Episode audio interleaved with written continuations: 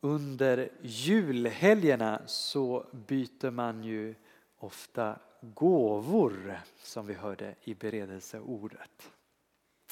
Och det här kanske har hänt oss också nu den här julen. Man kanske har fått någon gåva.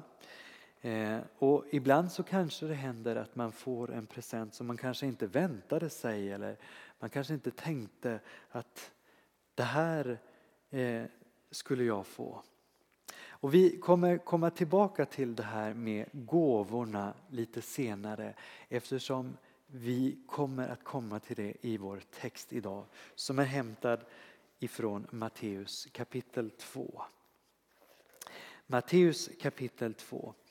Och den evangelietextläsningen som vi hörde är bekant för många av oss. Det är berättelsen om hur de tre vise männen, som det traditionellt har hetat, kommer till Betlehem.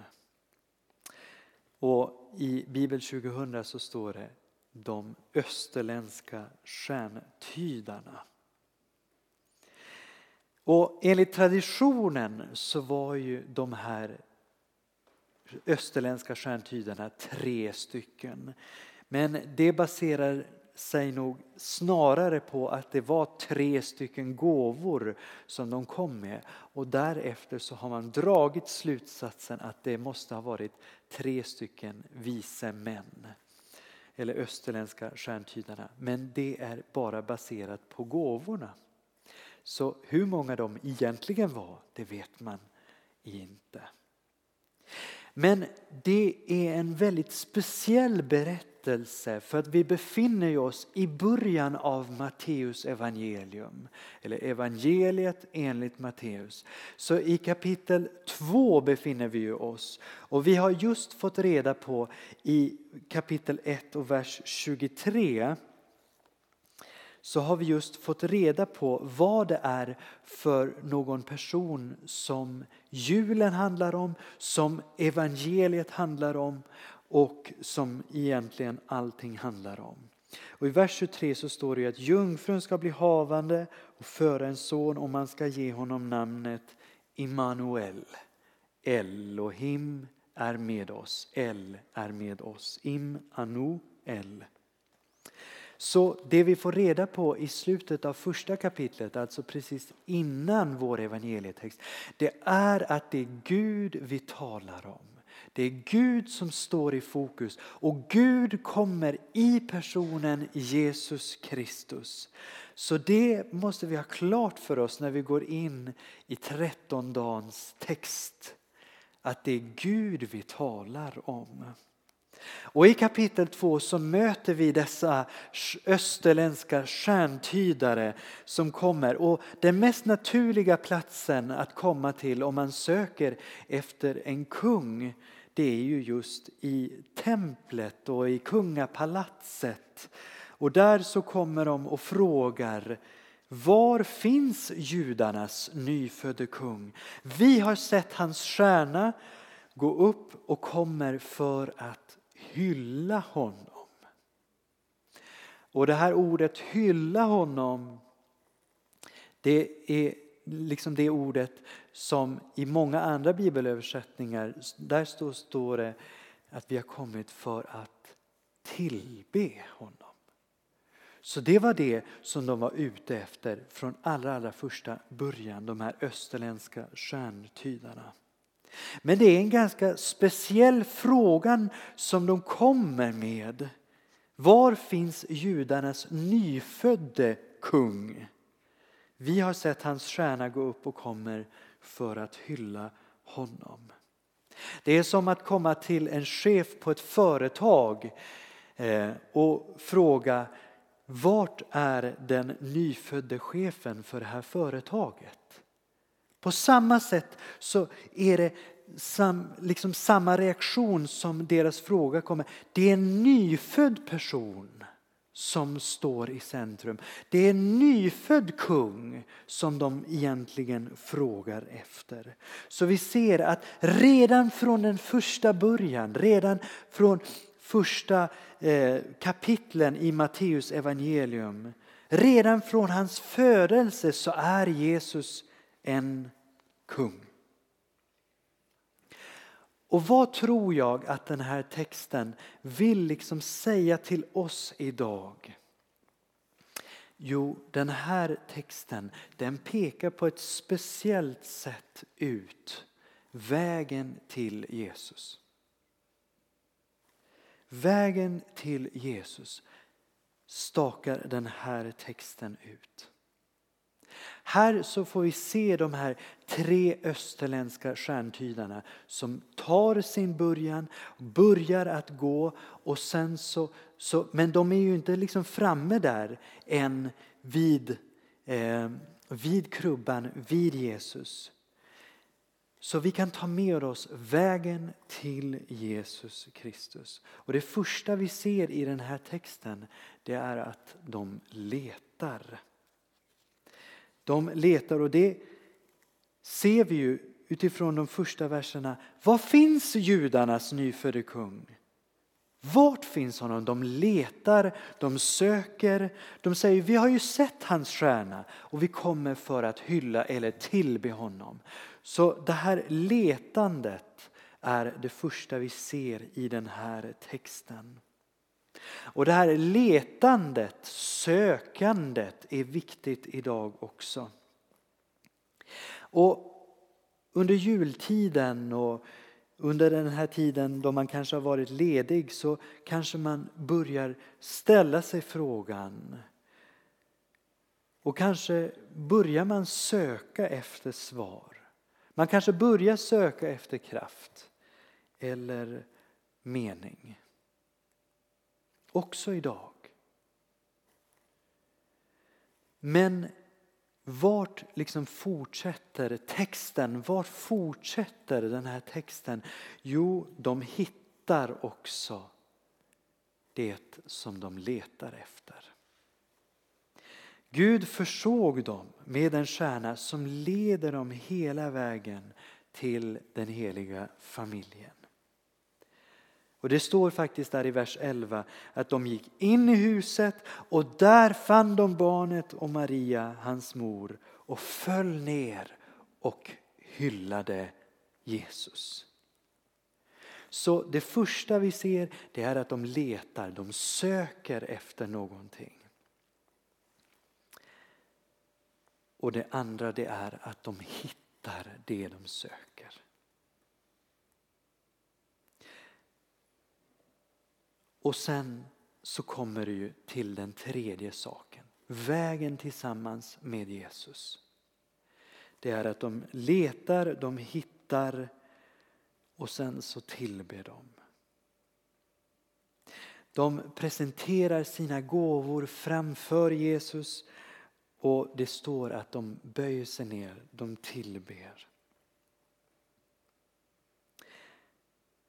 Här kommer människor från öst, från ett annat, liksom en annan region. De faller ner och tillber Guds barnet Jesus Kristus. Och grunden för allting är ju att de har förstått vem det är som ligger där i krubban.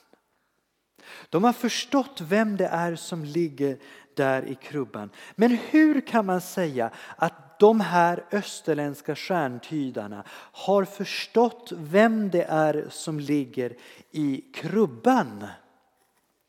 Jo, det tror jag att man kan se på de här gåvorna som de ger till Jesusbarnet. De har förstått någonting om vem det är de kommer och tillber och det ser man på grund av gåvorna. Det första det är guld. Hela Matteus evangelium, eller evangeliet enligt Matteus, förklarar att det är en kung vi ser. Det var ju det de var ute och letade efter och det är så som hela evangeliet enligt Matteus presenterar Jesus som en kung. I det gamla testamentet så fanns det en förväntan, det fanns en längtan efter en som skulle komma som Messias, som kung. Och här är Jesus kung. Och den första gåvan talar just om det här, att det är en kung. Guld talar ju ofta om kungakronor och guld talar ofta om att det är någon av kunglig börd. Så det är den första, första gåvan. Det är vad den första gåvan talar om för oss. Att det är en kung som ligger där. Den andra gåvan, vad säger den oss då? Jo, det är ju rökelse. Så de har förstått att det är först och främst en kung som ligger där i krubban. Men sen så också så ger de ju den här nyfödde kungen rökelse också. Och vad betyder det? Jo, rökelsen talar ju genom hela gamla testamentet men också i Nya testamentet, i Uppenbarelseboken ser man det speciellt om att det är en präst som ligger där. En präst som ligger där. Som skulle be för folket, som skulle få ta emot tillbedjan. Så det är en präst som ligger där också. Så rökelsen talar ju om det som fanns i templet. Den tillbedjan som fanns i templet. Det är ju den som de vet. Aha, okej. Okay. Så det är en kung som ligger där, det är en präst som skulle be för folket. Och vad är den tredje gåvan som de här österländska stjärntydarna ger till Jesus? Jo, det är ju myrran. Vad är myrran för någonting då? Vi kanske inte kan koppla samman med vad myrran är men på den tiden så förstod de absolut vad myrran var för någonting. För myrran hade med begravning att göra. Myrran talade om att det var någon som skulle dö som låg där. Så det första som de här österländska stjärntydarna vet, de kommer för att tillbe honom på grund av att han är en först kung, av att han är en präst som skulle be men också för det tredje att det är en som ska dö för synderna. Så redan från den allra, allra första början så ser vi att julberättelsen, evangeliet är att det är en som ska dö för folket. Och jag har återkommit till ett, ett eh, citat av en teolog som sa att krubban och korset de är gjorda av samma material. Så därmed så liksom kan vi sammanfläta påsken och julen tillsammans. Så man skulle kunna, liksom, om, man, om man vill ha det liksom på, ett, på en bokstav så skulle man kunna säga att krubban, korset och kronan. De hör ihop. Kronan som han fick på tredje dagen. Så då kan man koppla samman den här lille, den kung som ligger där. Som kom som en kung, som kom som en präst men också för att dö för människan. Men det är inte nog med det utan den här berättelsen om de österländska stjärntydarna är också en berättelse som på ett sätt ställer till det för oss.